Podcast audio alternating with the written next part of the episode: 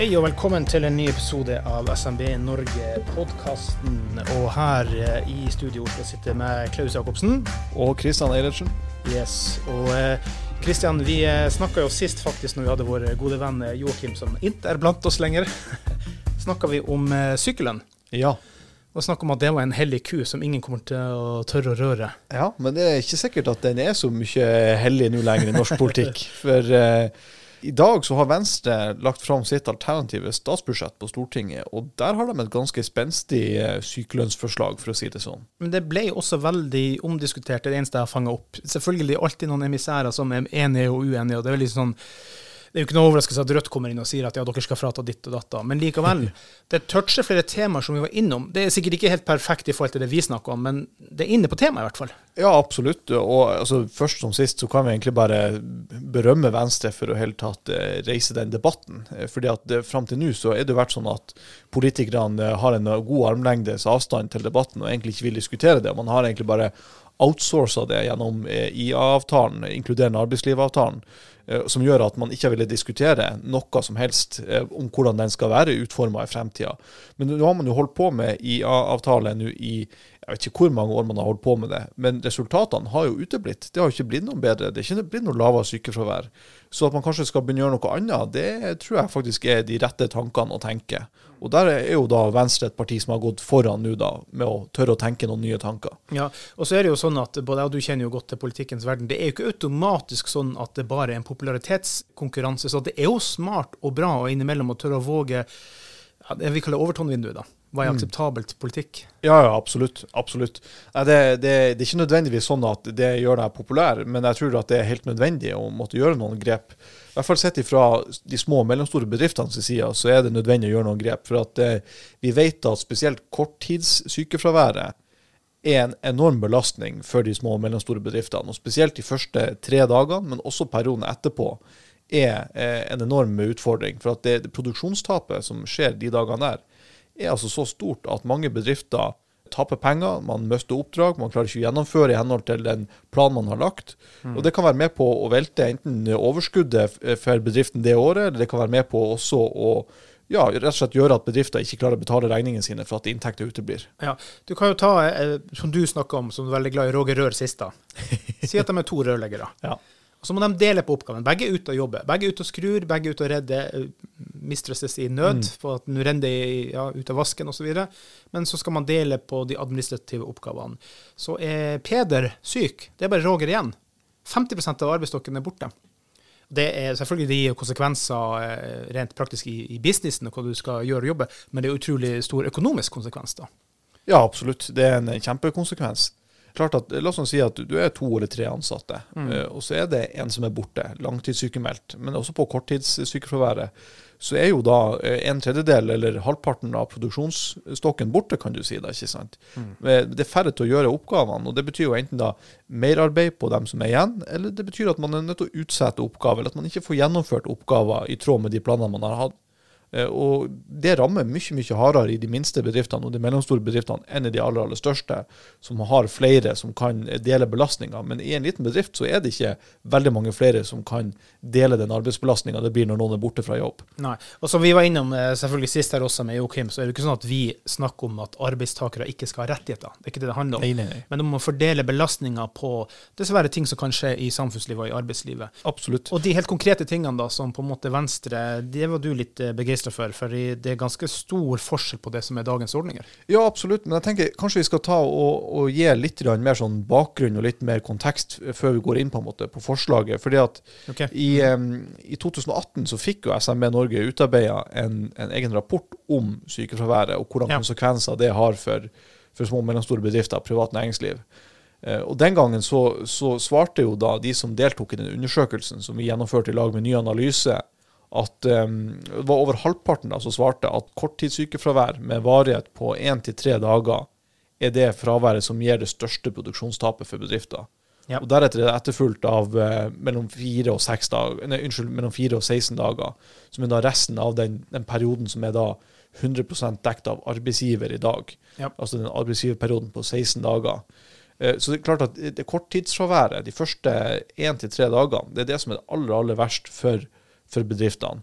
det er ikke nødvendigvis langtidssykefraværet, men det er korttidsfraværet. Og Det som også da bedriftene våre svarte på i den eh, undersøkelsen og den analysen som ble gjort, det var at om lag halvparten av bedriftene var positive til å dekke en, en del av langtidssykefraværet, som i dag er 100% dekt av det offentlige. Det var altså bedriftene mer positive til å ta en del av regninga før, i bytte mot at de ble belasta en mindre del av kostnadene ved korttidssykefraværet. Og Det er akkurat den biten der som er tror, veldig interessant når det gjelder forslaget fra Venstre som de har fremma nå. Fordi at Det de foreslår der, det er at eh, arbeidsgiverperioden skal da reduseres fra i dag 16 dager ned til 7 dager. Så det vil jo si at belastninga vil bli mindre på, på arbeidsgiveren der. Og det er jo eh, helt i tråd med det som, eh, som bedriftene våre tidligere har meldt, at de er positive til å kunne ta en større del av langtidsfraværet hvis de får dekka mer av korttidsfraværet. Men det som, da, som motytelse da bedriftene må gi for å få eh, dekt, eh, eller få redusert den arbeidsgiverperioden, er at arbeidsgiver da må, må dekke 10% av den første halvparten etter de sju dagene. Altså fram til et halvt år ja. sammenlignet med null i dag. ikke sant? Og så vil de måtte dekke 25% av den siste halvparten, altså etter et halvt år. Sykemelding eller sykefravær. Ja. Så da ser du at da, da, vil bedriftene få litt mer kostnader på langtidsfravær, mot i dag null. Men de vil få betydelig mindre kostnader på korttidsfravær, eh, som er den, de 16 eh, dagene, første dagene som er arbeidsgiverperioden. Så det viser jo at det, da SMB Norge gjorde den analysen eller denne rapporten i 2018, så var det veldig i tråd med mange av de tankene som nå Venstre foreslår i sitt forslag. Ja. Det, kan jo, det, kan jo, hende at de har lest av den rapporten vår fra 2018. Hvem vet. Den rapporten også da ga en sum på det, det nevnte vi også for så vidt i forrige episode, men 31 milliarder kroner koster det bedriftene disse ordningene. Men jeg må jo si at det er gode tanker, og at det trengs bevegelse, som vi også var innom sist, så har Sverige gjort sånne ting. Andre land har gjort det.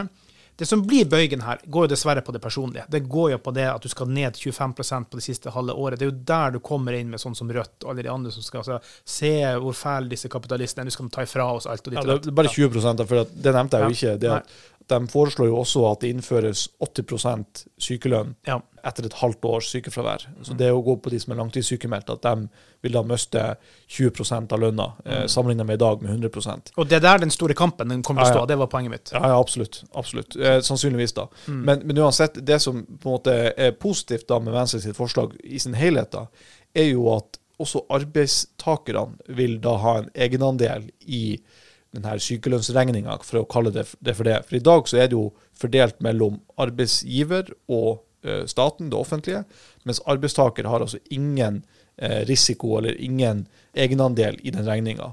Og det er jo akkurat det som SMB Norge sin kongress har adressert flere ganger, at også arbeidstakerne må begynne å få en, en egenandel inn i den regninga her, da.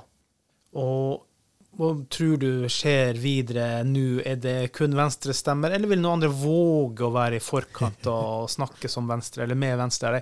Jeg, jeg, frykter nok Venstre kommer til å bli alene i det her. Ja, jeg tror kanskje du har rett i det, ja. Klaus, at, at, at, det ikke eh, vil skje noe på Stortinget. Eh, og, altså, vi vet jo at flertallet er sånn som det. De mm. rød-grønne partiene har flertall. Vi vet at i de partiene så er sykelønnsordninga freda, i alle fall uten stortingsperioden her, kanskje enda lenger. Vi vet også at det er, det er liten bevegelse i ja, både i Høyre og i Fremskrittspartiet. Så, men det som jeg tror er det viktigste her, som jeg tror våre eh, medlemsbedrifter og små og mellomstore bedrifter bør merke seg, det er iallfall at nå er det noen som forsøker å ta opp debatten i Stortinget. Mm. Ikke bare i, i avisspaltene eller på Dagsnytt 18 eller på sosiale medier, men at man faktisk tar opp saken til diskusjon i Stortinget. Og du får også da ei votering i Stortinget om innretninga på forslaget her.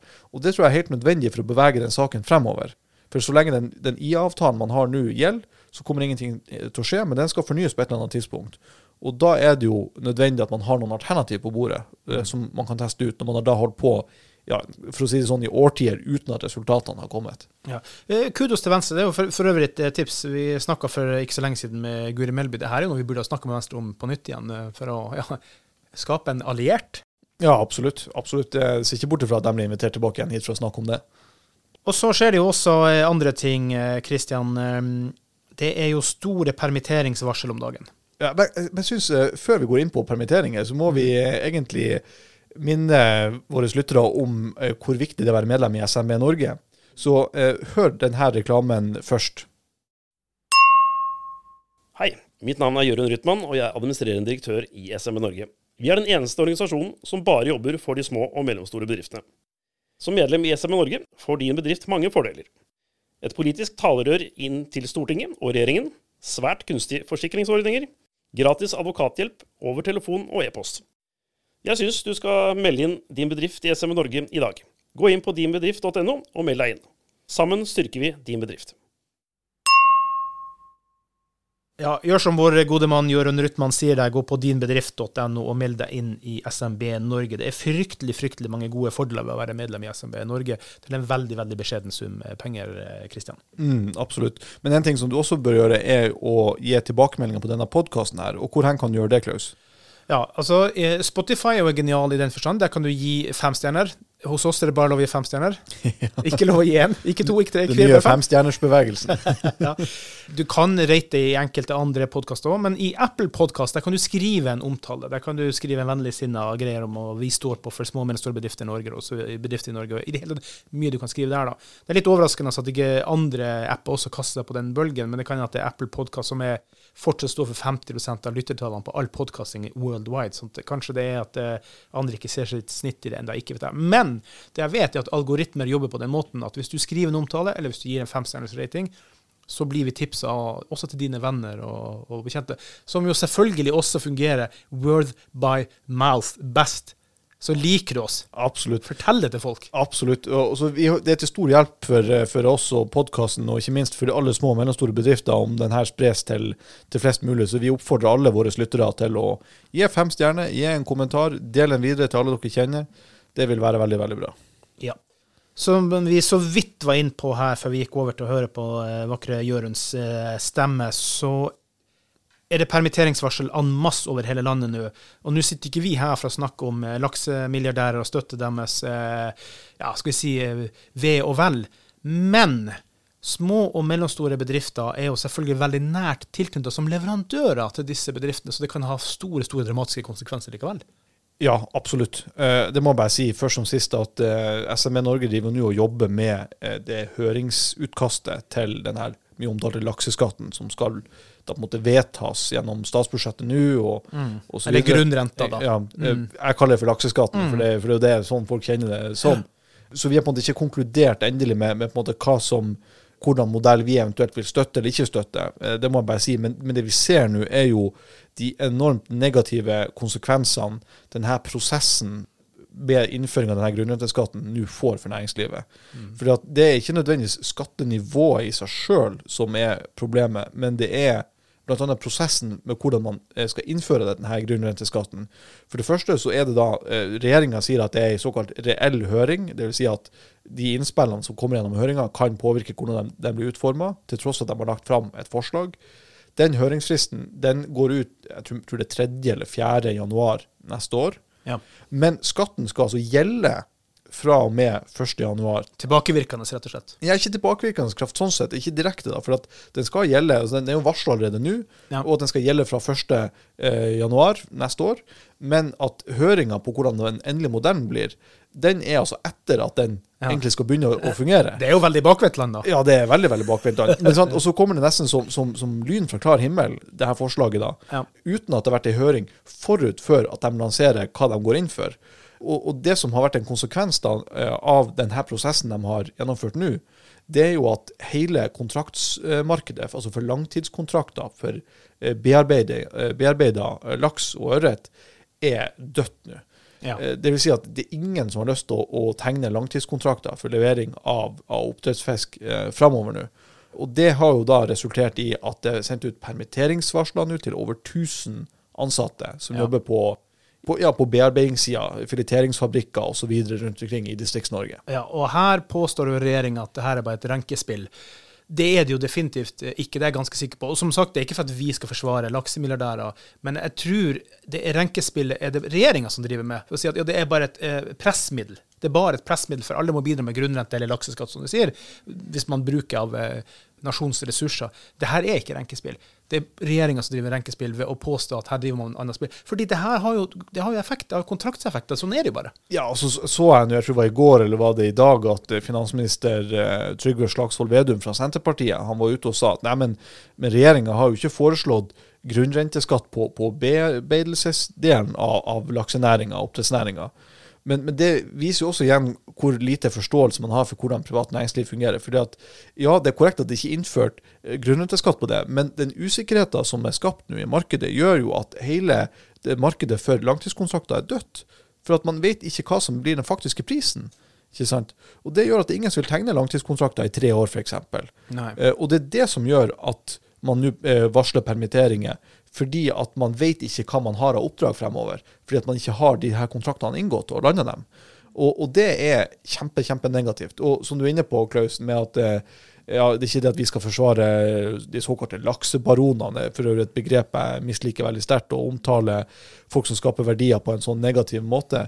Men, men, det som er på en måte det ille her, det er jo det at og det som er grunnen til at, at vi også tar det opp, det er at de store bedriftene, lokomotivene i norsk økonomi, de trekker jo med seg også alle de små og mellomstore bedriftene som måtte følge kjølvannet etter. Ja. Fordi at eh, disse her er jo underleverandører. De leverer overtidsmat, de leverer deler, de har vedlikeholdsoppdrag osv. En enorm leverandørindustri i tilknytning til, til oppdrettsnæringa, som også kommer til å merke konsekvensene av at man har jeg, lagt investeringer på, på is, man har avlyst en masse oppdrag det kommer til å ha enormt negative konsekvenser for landets små og mellomstore bedrifter. Ja, jeg husker jo eh, i min tid i Finnmark, når Melkøya kom til Hammerfest, hvilken god positiv effekt det ga på egentlig hele Hammerfest by i 20-25 år. Og selvfølgelig på, under utbygging så er det jo boom, mm. og så skal det etablere seg. Men du kan banne på at aktiviteten i Hammerfest by er mye større nå enn det var før Melkøya kom dit. uansett, Så det etablerer noe reelt på lang sikt òg. Når du da begynner å tukle med betingelser i bunnen, så det er da det begynner å bli skadelig for det, og de som er eh, binæringene rundt. da. Ja, absolutt. Og, og, som sagt, det er ikke nødvendigvis skattenivået i seg sjøl som er problemet. Selv om jeg må si at uh, laksenæringa eller oppdrettsnæringa er Hvis du ser på en måte alt de, de bidrar med i skatt og avgifter, så er de ganske kraftig skattlagt allerede i dag. Og, og jeg skulle ikke si verre skal det bli med det, det forslaget som er lagt fram nå. Men, men, det som er viktig, og, og, det som jeg tror alle i privat næringsliv vet og tar inn over seg, er jo at det er en symbiose, for å bruke det ordet. Det er et samspill her mellom de store og de mellomstore og de små bedriftene. Og vi trenger alle for å kunne ha eh, verdiskaping og ha arbeidsplasser å gå til. Og det er det som, som veldig mange ser seg liksom blind på. da. Hvis du ser at det er en stor bedrift som går veldig bra, og en næring som går veldig bra, så tenker man ja, ja, og det er urettferdig, og de har masse penger, og jeg har lite, så nå må jeg komme og hente dine penger. ikke sant? Ja. Men, men, det er ikke sånn det fungerer. De skaper da oppdrag og aktivitet for også mange, mange andre og ikke minst arbeidsplasser. Ja. Og Det glemmes hele tida av av politikere. Ja, og Det som er veldig veldig dumt her, det er jo det at uh, vi snakker jo hele tida om den neste olja. Ja. Mm. Og laksen og den næringa og binæringa var jo i ferd med å i hvert fall bli den neste olja. Og selv om ikke alt går i direkte skatt inn i staten, så går det veldig mye lokalt. Så det kan bli den neste olja, men da må du ikke hindre det å bli det. Ja, altså, Hvorvidt det har potensial til å bli like stor som olja, det, det vet jeg ikke. Men, Nei, men det øker mye hvert år. Absolutt. Og det, ikke minst det at de er veldig flinke å, å gi måte, oppdrag til måte, fastlandsnæringslivet også, ikke sant? og ikke bare det som skjer ute på havet. Men, men det som er, er litt viktig å, å, ha med seg, det er jo at egentlig så er det ingen, ingenting som, som tilsier at, at denne næringa skal ligge si, ytterst ute, på, ute i Distrikts-Norge, i Nord-Norge og langs kysten. Mm. For at det, du kan egentlig, i hvert fall sånn som teknologien eh, utvikler seg nå, og hvor fort det går, du kan jo etablere det midt i Europa. I hvert fall hvis du skal ha landbaserte anlegg og, og, som er lukka og ikke ute i, i, i sjøen. ikke sant? Som for, for så vidt en annen debatt, da, men det, bare, det er egentlig ingen, ingenting som objektive ting som tilsier at det her skal være ytterst i Distrikts-Norge. Eh, men det er fordi at vi har noen helt unike fordeler i Norge med det, det rene, friske havvannet, naturlig gjennomstrømming disse tingene her gjør at det er attraktivt å, å lage dette her bioproduktet, altså et biologisk produkt i havet. Ja. Oppdrettslaks, oppdrettsørret osv. Og så hvis ikke forholdene ligger til rette for at det skal kunne være levedyktig i Nord-Norge, i eh, Nordland fylke, Møre og Romsdal, Vestlandet, så flyttes det ut av landet. Det flyttes til Sentral-Europa. Og det vil jo i hvert fall være en, en, distriktsdød, for å si det rett ut. Hva vi skulle gjort uten havet? Skulle vi ha båret båtene? Nei, men du, du, du, har jo et godt poeng der, Kristian, for saken her er at disse som, jeg lurer på om det var Lerøy som hadde 839, og så er det jo flere andre som varsla permitteringer. De er jo nært knytta til nettopp den industrien. Det er jo den store hjørnesteinsbedriften. De kan ikke bare knipse i fingrene og få seg ny jobb. Du er jo med på å ødelegge distriktene på det her, da. Absolutt. Og på det lokalstedet, eller det lokalsamfunnet disse menneskene bor i, mm. så handler jo disse folkene i butikker. De går til frisøren. De kjøper pizza på fredagskvelden og tar med seg hjem. De bruker alle de tjenestene og tilbudene som, som øh, håper jeg, vokser til når et lokalsamfunn har såpass mange arbeidsplasser. Og klart at Når da folk blir permittert eller mister jobben sin, og det, det eventuelt skaper massearbeidsledighet i det lokalsamfunnet, så går det også utover alle de andre bedriftene som driver rundt. Ja. Så Man må aldri miste det av syne at vi er avhengig av alle bedrifter, også de store, for at de små og mellomstore skal kunne fungerer godt. Og det er jo de små og mellomstore som er ryggraden i norsk økonomi. Men du må også ha noen lokomotiver som måte drar det fremover. Ja, og det igjen da, det her har vi snakka om, det er jo den manglende forståelsen som hos veldig mange politiske miljøer. fordi da sitter man på Stortinget og tenker at ok, nå skal vi, skal vi ha penger ut av laksebaronene. Og så tenker man ikke utover det treet som går nedover. sant? Du drar ut penger av den lille lokale matbutikken eller ditt eller datt eller bakeren, som er avhengig av de som er der og jobber. og står i. Man, man setter ikke seg ned og, og tenker kausalitet. All handling har en konsekvens. Absolutt. Og det er liksom, Du brukte et bilde med tre, ikke sant, her. Mm. Men det virker jo mer som at, eh, at finansminister Trygve Slagsvold Vedum, liksom, som skulle være distriktsministeren, han sitter altså på, på, greina og sag av den greina vi alle sammen sitter på, spesielt i Distrikts-Norge.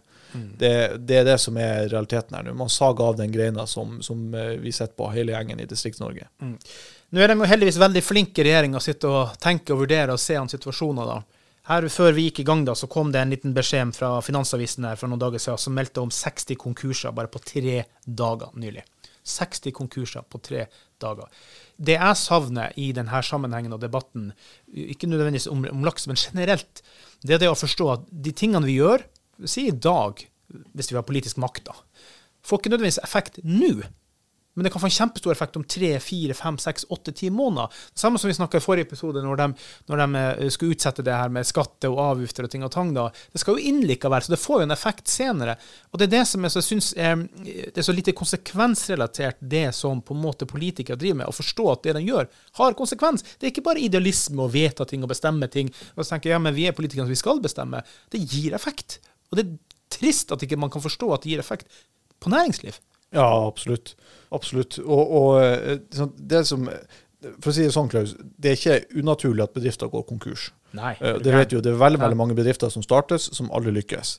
Uh, og, og, mange har et kort liv, og noen har et litt lengre liv og, og går konkurs etter hvert. Det, det, er naturlig at bedrifter går konkurs. Men det som har vært en stor frustrasjon for oss i SMB Norge, det er jo det at en del av de konkursene som vi ser nå kommer, de kommer som et resultat av politiske vedtak. Mm. Tidligere politiske vedtak. Yes. For det går tid her. det er poenget mitt. Helt rett. Men også noe som går litt raskere. Vi har vært litt inne på det før også, dette her med både med strømstøtte. Ja. Altså de enormt høye strømprisene som har vært i løpet av 2022, og for så vidt også på vinteren og høsten 2021. Det har jo tømt kassa til veldig, veldig mange bedrifter. Mm. Og f.eks.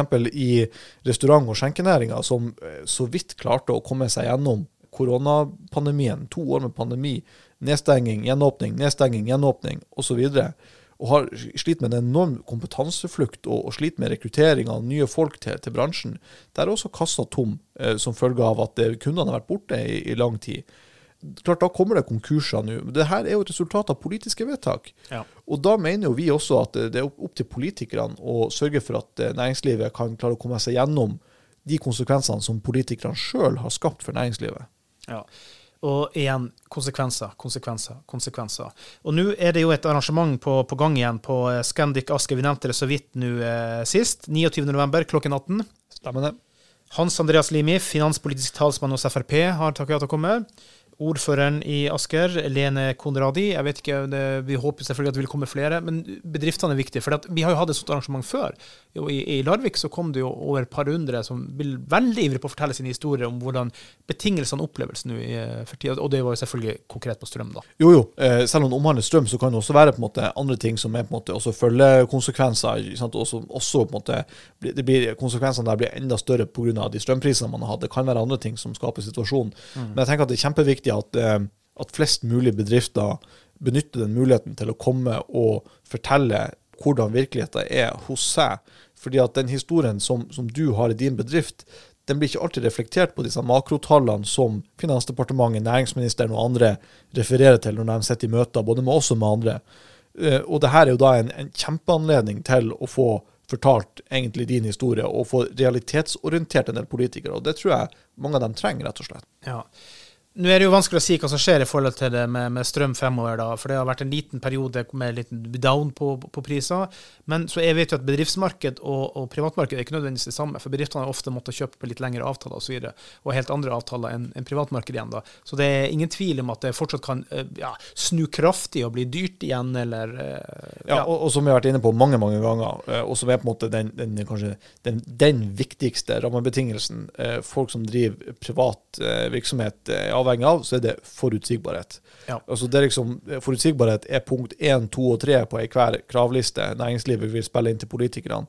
Eh, fordi at eh, uansett hvor bra eller dårlig ulike ordninger er, så er det i hvert fall, hvis du vet hva du har å forholde deg til, så kan du i hvert fall planlegge ut ifra det. Og du kan på en måte innrette virksomheten din ut ifra det.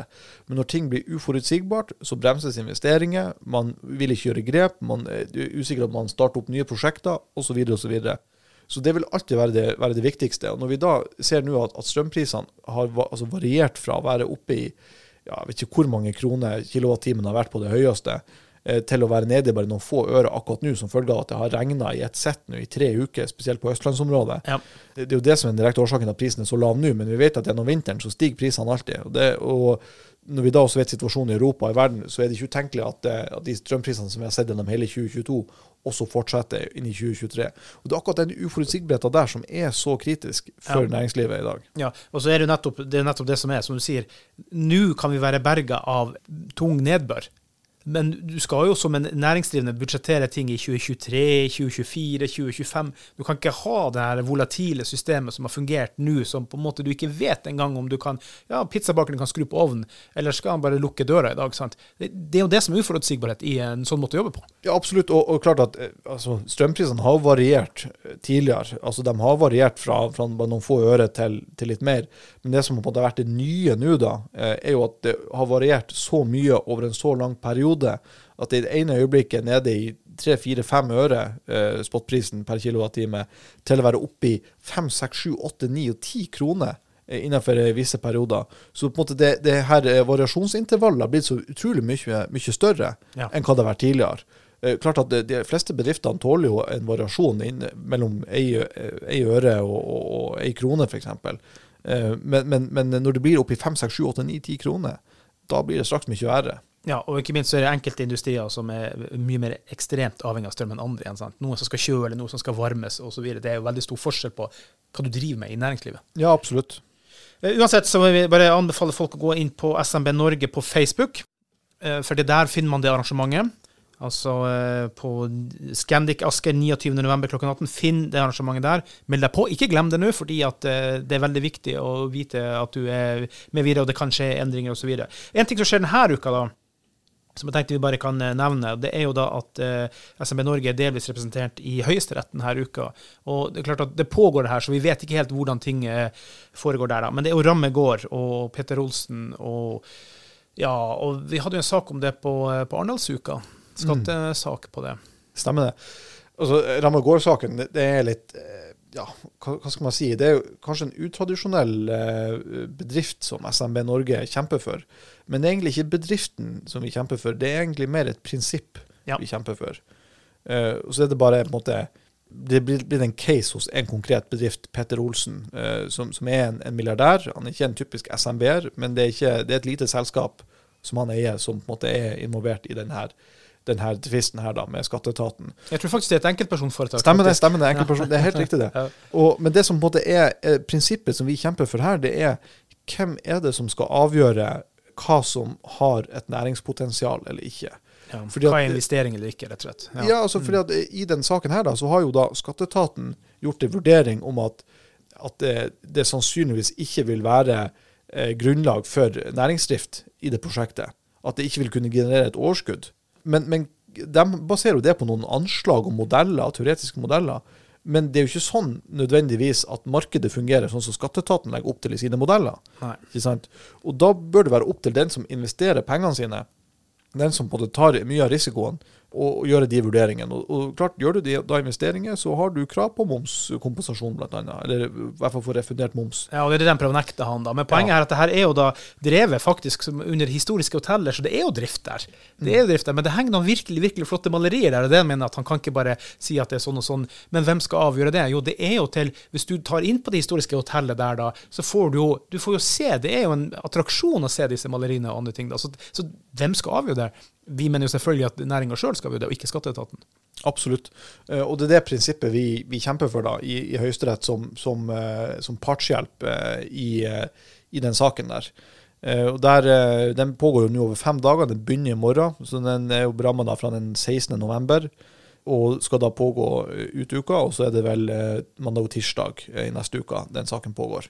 Så vi venter jo spent på hva utfallet blir. Og vi håper jo da selvfølgelig at Høyesterett slår fast at det er den næringsdrivende som er den som skal gjøre utøve det forretningsmessige skjønnet, og ikke skatteetaten og deres byråkrater. Ja, og eh, vi har jo da, da med Kvale advokatbyrå som er representert der, og selvfølgelig skal vi klare å få rapportert noe på det senere, men selve dommen vil selvfølgelig komme på et mye senere tidspunkt. Det skal jo inn og tenkes og tolkes og i via brev, men det kan jo at vi kan klare å få snakke med Kvale og gjengen og høre hva, ja, hva deres oppfattelse i ettertid i en podkast her, da. Ja, absolutt. absolutt. Det tror jeg er kjempeinteressant. Og igjen, jeg tror det her er et, et prinsipp som, som veldig, veldig, veldig mange bedrifter og, og gründere er opptatt av. Det er at, at, det, at skatteetaten og, og byråkrater ikke skal komme inn og overprøve de, de forretningsmessige skjønnet du har utøvd eh, som, som investor og som gründer og som bedriftsleder. Som sagt, eh, Rammegård-saken kommer vi tilbake til etter hvert. Da Da tror jeg vi har vært gjennom de tingene, eh, tingene vi, eh, vi snakka om på forhånd. Kristian. Vi selvfølgelig igjen oppfordrer folk til å melde seg på 29.11. klokken 18. Scandic Asker. Konkursbølgen igjen godt representert forrige gang. Vi får se hvordan det blir nå da. Jeg håper jo at bedriftsfolk ser sitt snitt i å komme likevel, selv om det skjer noe med, med, med strømprisen akkurat nå. For at Nestippen bør være lengre enn ja, kort frem, for at det, det, det, det kan snu. Det kan endre seg. Absolutt. Og så en ting Klaus, som, som vi, det er viktig at vi minner våre lyttere på om, det er jo selvfølgelig å gå inn på dinbedrift.no og melde inn eh, din bedrift hos SMB Norge. Og stå i lag med 5500 andre små og mellomstore bedrifter i kampen for en enklere hverdag hver eneste dag. Ja.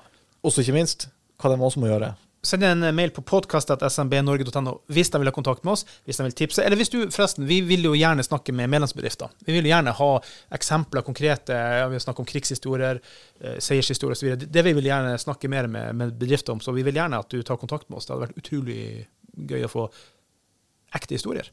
Ja, Da kan du sende det til podkast.smbnorge.no. Det er en podkast med c. Ja. smbnorge.no. Og til slutt så oppfordrer vi jo alle våre lyttere til å både gi oss tilbakemeldinger på podkasten. Hvordan kan de gjøre det, Klaus? Podkast.smbnorge.no.